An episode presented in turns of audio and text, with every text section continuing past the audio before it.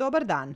Mediji često građanima rješavaju probleme ili im pomažu u tome. Međutim, zaposleni u medijima, novinari i novinarke, fotoreporteri i fotoreporterke i sami se suočavaju sa brojnim problemima.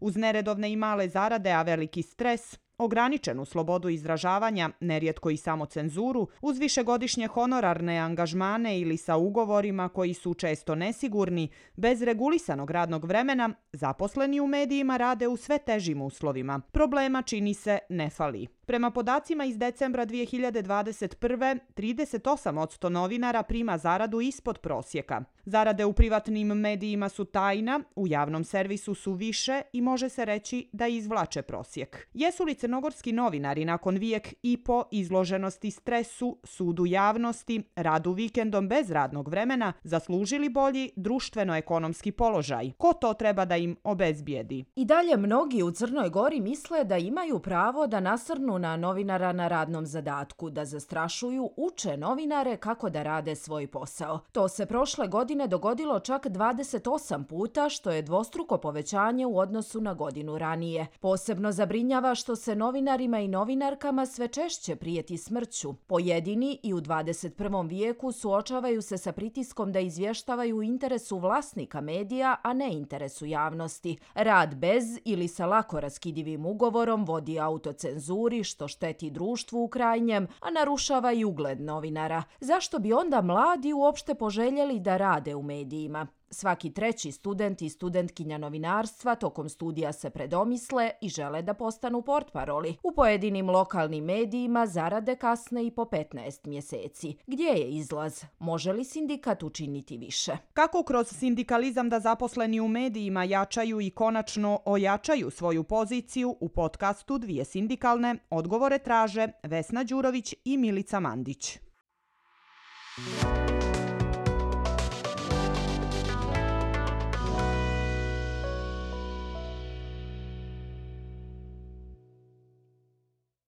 O problemima sa kojima se suočavaju zaposleni u medijima u prvoj epizodi podcasta Dvije sindikalne razgovaramo sa predsjednicom Sindikata medija Crne Gore, Marijanom Camović-Veličković. Marijana, dobar dan, hvala što ste izdvojili vrijeme za Dvije sindikalne. Dobar dan, zadovoljstvo mi. Pred mikrofonom, kamerom na portalu ili u štampanim medijima danas definitivno nije lako biti novinar.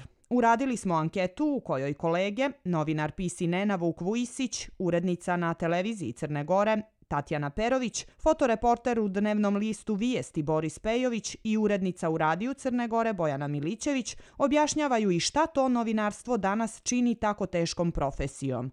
Na početku da čujemo razloge pa da probamo da dođemo do mogućih rješenja.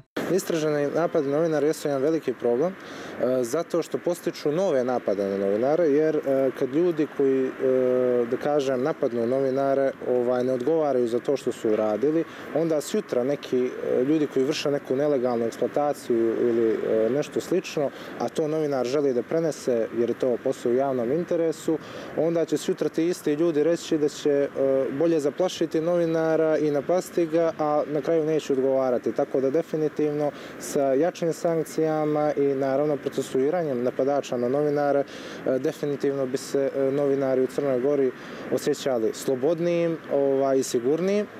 I također to bi bila jedna poruka isto i građanima da novinar radi u javnom interesu i da niko nema pravo da ga napada. Naravno, nisu novinare, da kažem, e, nešto e, prioritetnije od ostalih građana. Po pravilu bi trebalo kogod snima neku nelegalnu radnju ili eksploataciju da je zaštićen, da niko nikoga ne smije fizički da ugrožava. Međutim, nažal, to jeste nažalost, u Crnoj Gori to nije tako. Mislim da bi e, trebalo od tužilaštva, sudstva pa i do policije da mnogo proaktivnije rade na slučajevima napada, napada na novinara i da, da kažem da e, također i obrazovni sistem mislim da je zakazao zato što ne edukujemo dovoljno građane o tom da kažem e, poslu od javnog interesa i, i ne razvijamo, da kažem, taj mir i toleranciju, nego nekako u Crnoj Gori je ovdje postalo normalno da se obračunavamo, aha, ako, ako je neko nešto napisao loše protiv nekog, e, vidjet će ga on, to jeste da se fizički ili zastrašivanjem obračunavamo sa novinarom koji je pisao nekoj nelegalnoj radnji, koji je vršio, da kažem, predmet, e, predmet tog pisanja što se tiče ovih e, indirektnih prijetnji koji su stizale, one su odbačene. Što se tiče onih prvih e, od kojih su organi mogli da saznaju iz medija, to jeste kada su napadnu zajedno sa ekipom vijesti, nije ništa pokrećano. E, također ne znam šta se desilo sa slučajem sa e, Žabljaka, to jeste na prostoru Male Crne Gore gdje sam isto ovaj, na, izvrijeđan i, i, i gdje mi je priječeno čak i smrću zbog toga što sam snimao nelegalnu sjeću šume. E, čini mi se da e, nekako u Crnoj Gori E, ne gledamo kao na nešto opasno na te prijetnje, čak ni ja, evo, moram biti iskren, nisam gledao na to kao da je nešto wow, nego sam mislio ajde ono, pusti, oprostit ćemo i tako dalje, ali sam onda shvatio da opraštanjem tih prijetnji i, i, i napada na neki način postičemo nove. I sutra se neki drugi novinari će se ovaj, naći u toj situaciji i imati strah da odu na teren i da prenesu neku nelegalnu aktivnost. E, iskreno nije mi bilo e, lako da odem sljedeći put na teren e, iz razloga što sam naravno da sam se pojavio baš u žarištu eksploatacije, mislim da bih opet bio napadnut i prozivan i vrijeđan, pa čak i ne znam šta bi se sve tamo izdešavalo. I moguće da sam imao, da kažem, osjećaj, osim straha i svega toga što se dešava u posljednjem periodu, imajući u vidu da su i moji snimci će se najvjerojatnije koristiti ovaj, za sudski proces oko eksploatacije i svega toga, e, da imam osjećaj kao da nemam e, leđa države iza sebe. Znači, da, da nemam podršku države u tom smislu, ali nadam se da je to samo osjećaj e, da je to moj osjećaj da se varam u tom smislu, da definitivno se nadam da će država stati i da će zaustaviti tu eksploataciju i da naravno u slučaju da se nešto desi da će procesuirati odgovorno. Nažalost, ja moram da kažem da su i cenzura i autocenzura stare boljke crnogorskog novinarstva. U ostalom, na to nas e, stalno upozorava i Evropska komisija u svakom svom izvještaju ali ono što ja smatram je da je autocenzura mnogo opasnija od cenzure. Tako da e, bi svi mi pojedinačno trebalo da radimo na tome, odnosno na poštovanju kodeksa novinara, na profesionalnom, istinitom i objektivnom informisanju.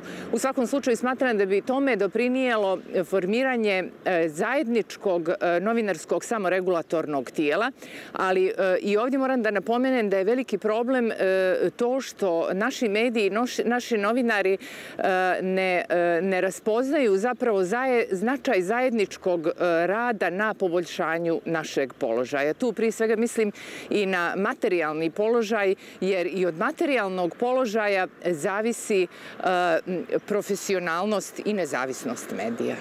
Mislim da je naša profesija diskriminisana. Fotografija nije zanatska radnja, već kreacija uma, pa tako i treba da bude tretirana. Eh, to je ono glavno što je država zanemarila i što je uzrok svih diskriminacija prema nama i naših problema. Skoro da niko ne obraća pažnju na nezavisnost fotoreportera i na to koliko je važno istinito informisati građane fotografijom. Mizerno su nam niske plate i loši uslovi rada, što sve fotoreportere, baš kao i novinare, može dovesti do cenzure i autocenzure. U Crnoj Gori zarade fotoreportera su znatno niže od prosječne zarade na nacionalnom nivou, nepravedno su niže od novinarskih, iako su i njihove veoma loše. Nismo vidljivi ni u etičkom kodeksu novinara, radimo stresan posao, tu su česta otpuštanja, niske zarade, napadi, masovno i sistemsko kršenje autorskih prava, cenzura zbog ograničenog pristupa institucijama sistema, Sa svim tim se suočavamo, a dodatan problem je to što su fotoreporteri u velikom broju slučajeva prinuđeni da rade na crno, pa se kasnije javlja i problem penzionisanja. Mi možemo slobodno da izvještavamo samo ako smo adekvatno plaćeni za svoj rad, to je jasno. U susjednoj Srbiji, koja je po standardu slična nama, zarade fotoreportera ozbiljnih redakcija skoro su duplo veće od naših. Znatno bolja situacija i u Hrvatskoj, a o državom Evropske unije ili SAD-a ne želim ni da pričam. Naglašavam da su i zarade fotoreportera iz regiona makar dvostruko veće nego fotoreporterima u Crnoj Gori, što govori koliko je naš socijalni status degradiran. Koliko god da su nagomilani problemi fotoreportera, država ih, se može, država ih može riješiti, naravno ako želi. Neke bi riješilo uticajem da se poštuju postojeći zakoni, a druge kroz izmjene istih zakona. probleme niskih plata i koeficijenata država može riješiti utičući da se konačno donese novi granski kolektivni ugovor za oblast medija u kome bi fotoreporteri i značaj našeg posla bio adekvatno prepoznati i vrednovan. Jedna američka studija e, rađena prije nekih 7-8 godina e, pokazala je da je novinarstvo jedna od e, najtežih i najnepoželjnijih profesija. I to nije slučajno.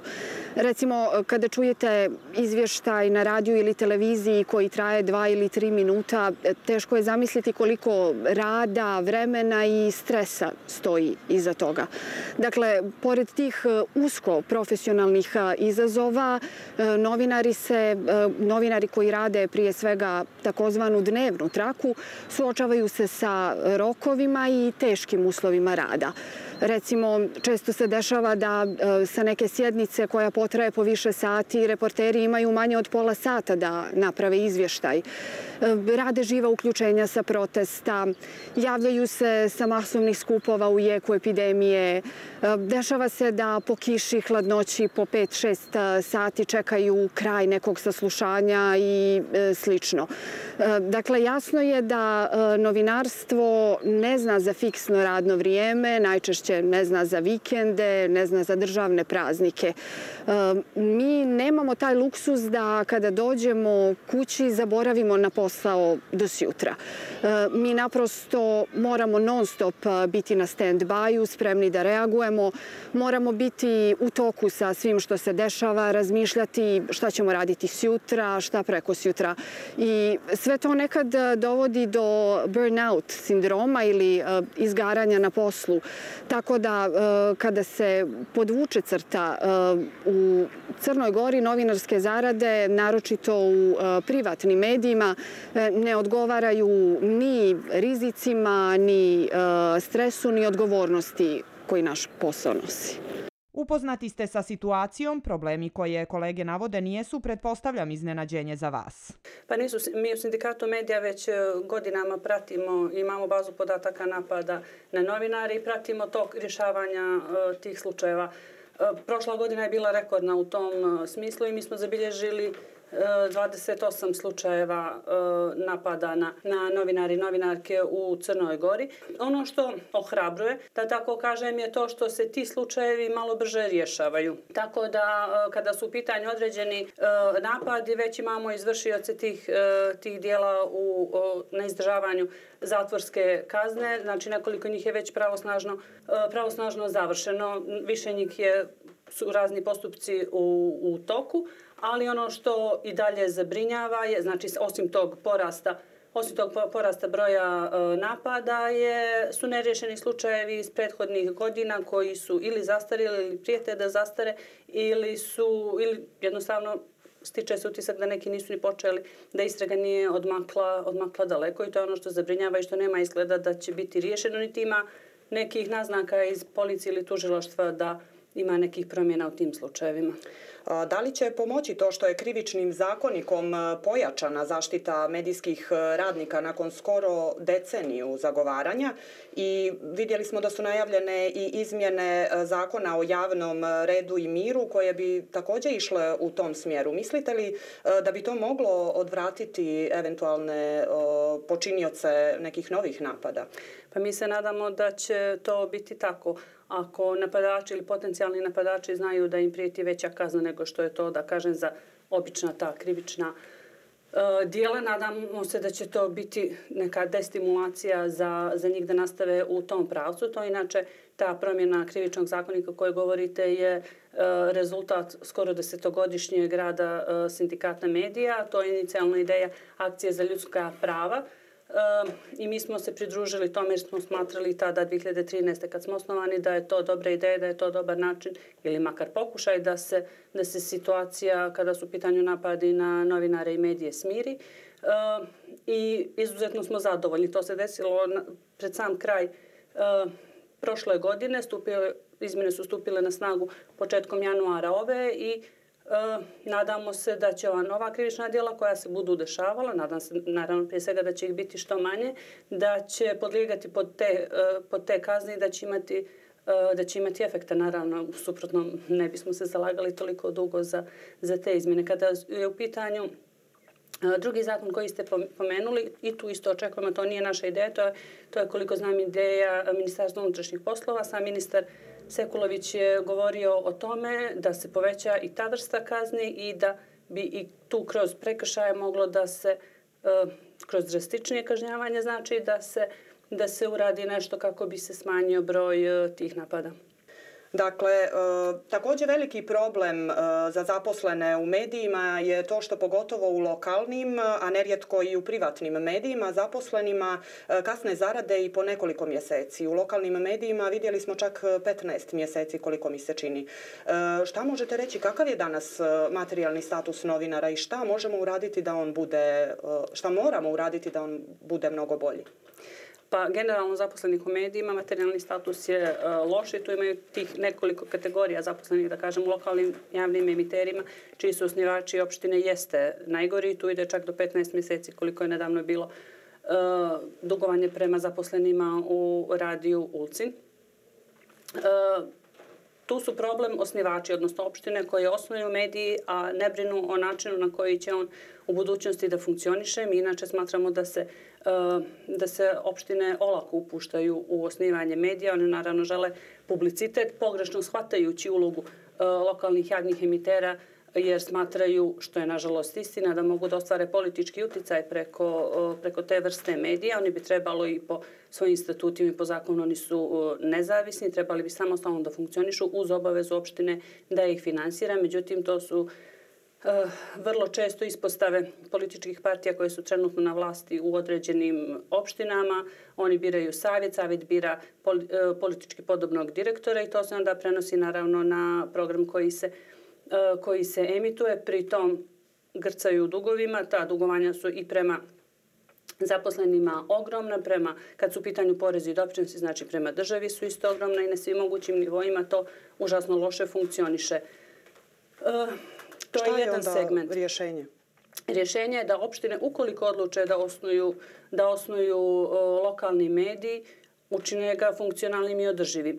Ono što je e, sindikat medija predložio kroz e, izmjene zakona o elektronskim medijima koje je, evo, mislim, četvrta godina nikako da se, da se desi, a gdje je postignut konsenzus na nivou radne dupe koja je radila na tim izmjenama, odnosi se upravo na e, poboljšan način finansiranja lokalnih javnih emitera, gdje bi kroz određene skale odnosno procente u odnosu na e, budžet opštinski e, bilo finansirani lokalni javni emiteri i to bi išlo znači fiksno u skladu sa tim brojevima i to su neke cifre koje omogućavaju normalno, normalan rad lokalnih javnih emitera i mislimo da makar u tom finansijskom smislu bi se e, stvorila neka neka održivost. Mi smo tu predložili i malo drugačiji izbor uh, savjeta lokalnih javnih emitera gdje bi se smanjio taj politički uticaj koji je sad, mislim da ga niko ni ne spori čak. E, I to su ta dva neka pokušaja, ali kažem nikako da se taj zakon nađe pred, pred poslanicima već tri ili četiri e, godine. E, I ta, znači nikako ni da se promijeni e, taj loš položaj lokalnih javnih emitera. I to je taj jedan segment. Kad su u pitanju privatni mediji, Oni uopšte ne stoje loše u finansijskom smislu, ali se javnosti uporno šalje slika da je to katastrofalna finansijska situacija, da oni grcaju, da su oni uh -huh. uh, u dubokom minusu, što nijedan podatak, niti on iznose nijedan podatak, ali nijedan podatak ne podkrepljuje njihovu priču. Naprotiv, oni rade u plusu, ostvaraju profit, Pa svjedoci smo se... da s vremena na vrijeme vlada pomogne o, sa manjom ili višom sumom o, medije. E, kakav je vaš utisak, utisak? Ima li novca u medijima i je li on ravnomjerno raspoređen? Pa novca ima u medijima i sad na zakonit ili nezakonit, ja često mislim i na nezakonit način da o, država pomaže o, mediji, da ta državna pomoć ide nezakonito jer bi trebalo jednom u deset godina da ide, a kod nas ide sad posljednje ove dvije godine gotovo na mjesečnom nivou i niko se ni ne trudi da mnogo vidi šta se tu dešava i otkud ide taj novac i gdje završava, ali definitivno više miliona se slilo državnog novca u privatne medije e, tokom protekle dvije godine, odnosno od početka E, korona krize. E, mi ne znamo gdje taj novac, iako redovno postavljamo to pitanje, ne znamo gdje taj novac završava. Svakako e, materijalni položaj zaposlenih nije popravljen, njihove zarade nisu povećavane, njihovo generalni uslovi rada nisu poboljšani i to je nešto što, na što mi stalno ukazujemo, ali situacija se ne mijenja. A na kome je da otkrije gdje je taj novac završao? Pa na državi. Država bi prvo trebala da zna šta stimuliše, na koji način, u kojim iznosima i zašto i šta je rezultat tog, tog stimulansa. Oni žele da održe medije. Crnogorski mediji su jako održivi, to pokazuju podaci finansijski njihovi ali to jednostavno to, na to se niko ne osvrće. Pa svjedoci smo da vlasnici uvijek govore o tome kako novca fali. Kako da se zaposleni izbore za veće e, plate ako su mediji profitabilni, a vlasnici uvijek govore o tome da novca fali? I kako natjerati vlasnike medija da stimulišu e, radnike većim zaradama ako znamo da i sami novinari e, pristaju da rade za niske plate? E, pa, više stvari ste pomenuli koje bih nekako sve da prokomentarišemo, ne znam hoću li uspjeti da ih se sjetim.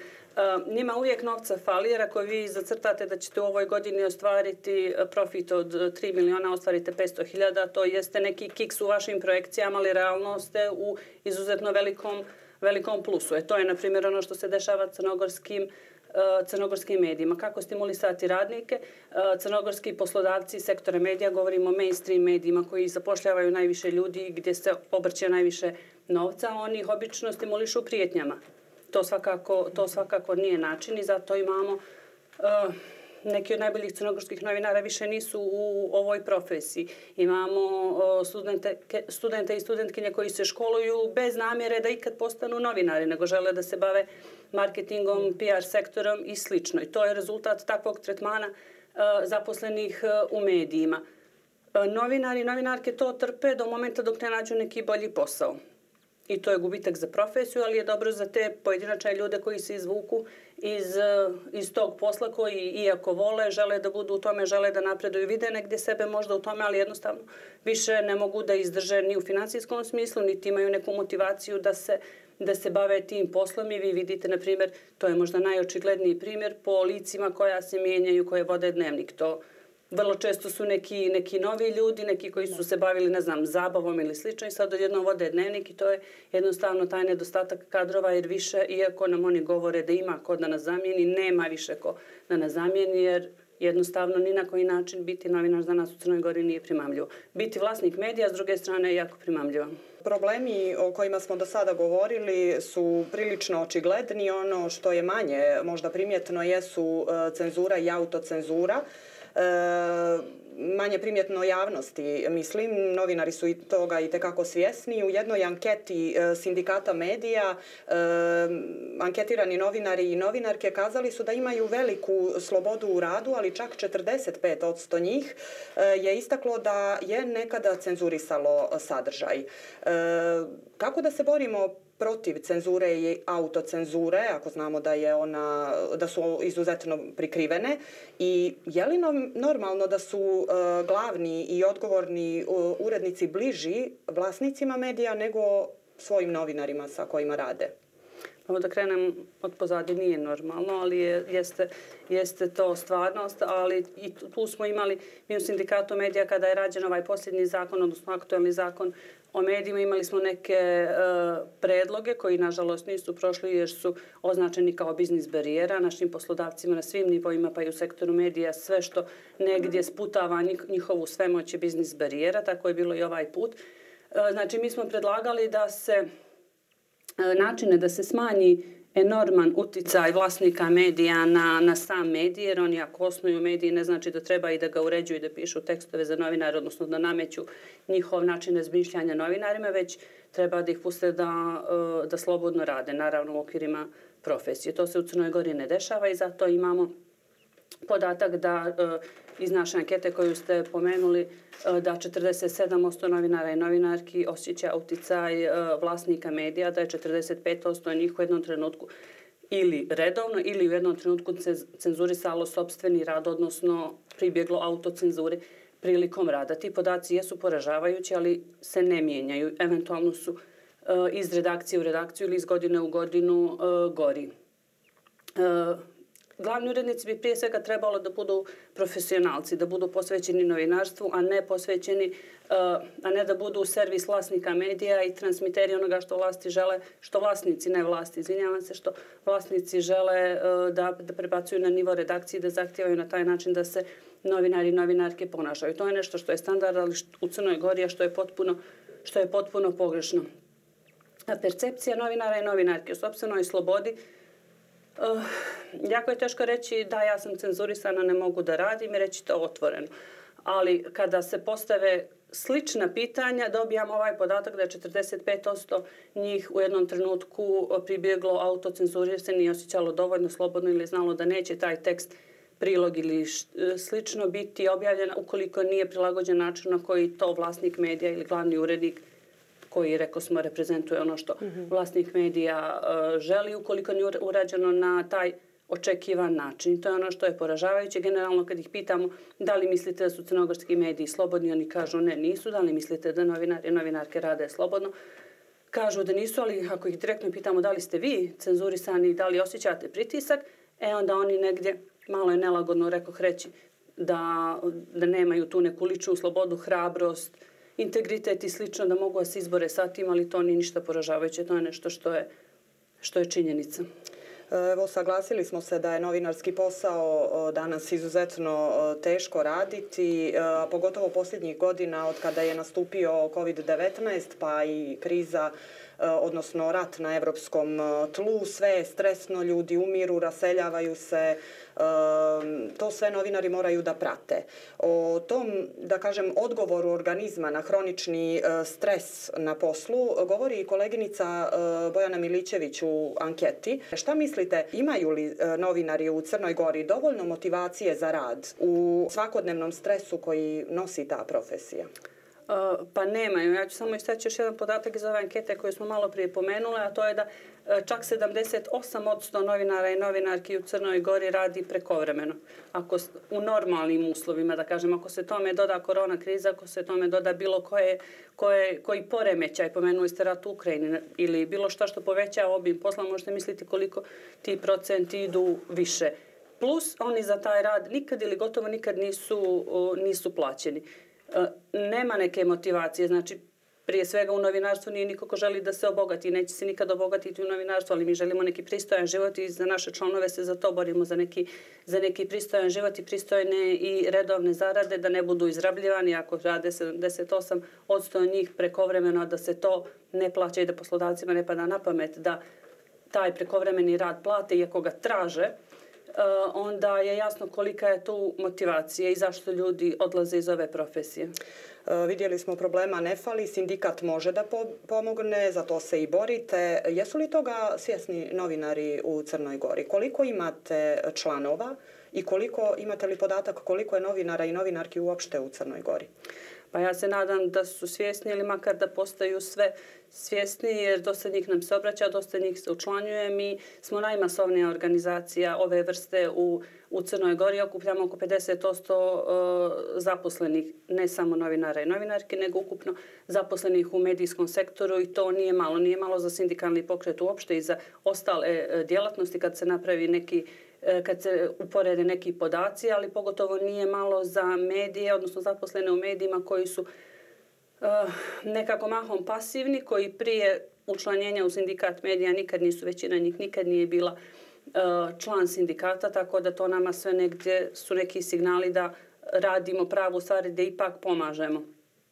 Uh, koliko je zaposlenih uh, novinara i novinarki, taj podatak nemamo i ne možemo ga dobiti. Mm -hmm. Neka državna statistika u smislu Monstat ili slično ne rade, e, ne rade tu vrstu klasifikacije. E, mi kad pitamo medije ne možemo da dobijemo ni podatak koliko ukupno imaju zaposlenih jer prema našim podacima dosta se radi na crno u smislu da ima dosta honorarnih saradnika i slično. Inače nam je komunikacija sa medijima baš zbog toga što radimo jako, jako otežana, tako da te podatke dobijamo posredno preko Monstata i preko podataka iz uprave carina i, i prihoda. E, jasno je da sindikat ne može sve sami, da bi novinari i novinarke trebalo također i sami da se izbore ovaj za sebe. E, ko novinarima može da pomogne? Šta treba da uradi država, šta sindikat, a šta novinari sami? Pa mi im dajemo jedan put da budu solidarni, da budu uh, učlanjeni u sindikate, što je masovni sindikalni pokret, tu smo negdje i mi sami jači više imamo i uh, kredibiliteta i prostora da da djelujemo. Njihovo je da i kad se učlane u sindikat ne budu pasivni, nego da insistiraju, da traže, da na svojim radnim mjestima traže ono što znaju da im pripada. Da ako znaju da rade 8 sati, ne pristaju da rade 10 i da čašćevaju ta 2 sata svog poslodavca besplatnim radom jer nema potrebe u 21. vijeku na taj način da se funkcioniše, pogotovo ne u medijima koji ostvaruju profit.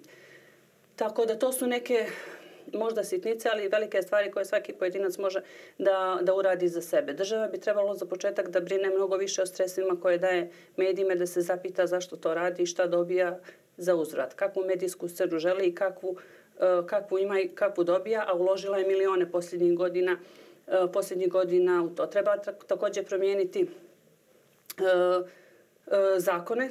Na tome se djelimično radi kada je u pitanju set medijskih zakona, ali nisu medijski zakon jedini koji se odnose na medije, to je i zakon o radu koji se kad su u pitanju mediji ne primjenjuje, znači inspekcijske službe treba malo češće da posjećuju e, medije. Treba raditi na e, socijalnom dijalogu. Socijalni dijalog u sektoru medija ne postoji. E, granski kolektivni ugovor je prestao prošle godine, polovinom prošle godine da E, Eh, da važi stavljanje van snage. Mi pokušavamo i pokušavali smo naročito u prethodnom periodu da kolektivno pregovaramo sa Unijom poslodavaca i da dođemo do nekog e, normalnog, da kažem, teksta koji oslikava e, savremeno stanje u crnogorskim medijima. Nismo uspjeli da sa Unijom poslodavaca nađemo zajednički jezik, odnosno oni su nakon godinu traćenja našeg vremena, slobodno mogu reći na što, da su na to ličili ti pregovori, jednostrano prekinuli, e, prekinuli komunikaciju, prekinuli pregovore o granskom kolektivnom ugovoru. Mi sad pokušavamo da oživimo taj postupak jer je zaista granski kolektivni ugovor nešto što je prijeka potreba zaposlenih u medijima jer kolektivni ugovori na nivou firmi ne postoje, nema privatnog medija koji ima kolektivni ugovori gdje se vodi uopšte ikakav razgovor na tu temu. Imamo uh, javni servis i e, RTV Budva i to su jedina dva medija u Crnoj Gori koji imaju kolektivni ugovor, što je poražavajuće za medijski sektor. E, poslali ste e, brojne poruke i preporuke, ali evo jedna ključna za kraj. Kako, šta treba uraditi da bi se u budućnosti poboljšao položaj novinara i novinarki u Crnoj Gori? Pa, više segmenata treba da djeluje. Rekla sam šta bi, šta bi novinari mogli da urade za sebe. Mislim da je ono što je uradila Skupština Crne Gore krajem prošle godine izmjenama, uh, izmjenama krivičnog zakonika dobar put da mijenjaju zakone i da neko radi monitoring tih uh, zakona da vide da li se primjenjuju. Uh, E, znači, zakon o radu se nas jako tiče i primjena njegova koja, kaže mi, nikakva u e, crnogorskim medijima treba je također pratiti, treba raditi na tome, treba inspekcijske službe pojačati i slati ih u medije, ne kao batinu, nego kao način kontrole i poštovanja e, radnih prava i onoga što je zakonom zagarantovano zaposlenima i to je jedan dio onoga što država može da radi. Poslodavci bi trebalo da budu svjesni e, svojih obaveza i da zaposleni imaju određena prava, ne samo obavezu da rade dan i noć za njih. Treba da vode e, kolektivne pregovori da donose e, kolektivne ugovore na, na, e, na nivou medija, da saslušaju makar svoje zaposlene, a e, sami zaposleni također ni oni nisu bez odgovornosti, treba da budu mnogo svjesni svojih prava i svojih obaveza i da insistiraju na poštovanju. Marijana, hvala još jednom najljepša što ste izvojili vrijeme za dvije sindikalne. Hvala vam. Uvaženi pratioci, naša gošća bila je predsjednica Sindikata medija Crne Gore, Marijana Camović-Veličković. U sljedećoj epizodi sa novom temom, novim gostom i novim problemima sa kojima se suočavaju novinari, čeka vas koleginica Vesna Đurović. Ja sam Milica Mandić,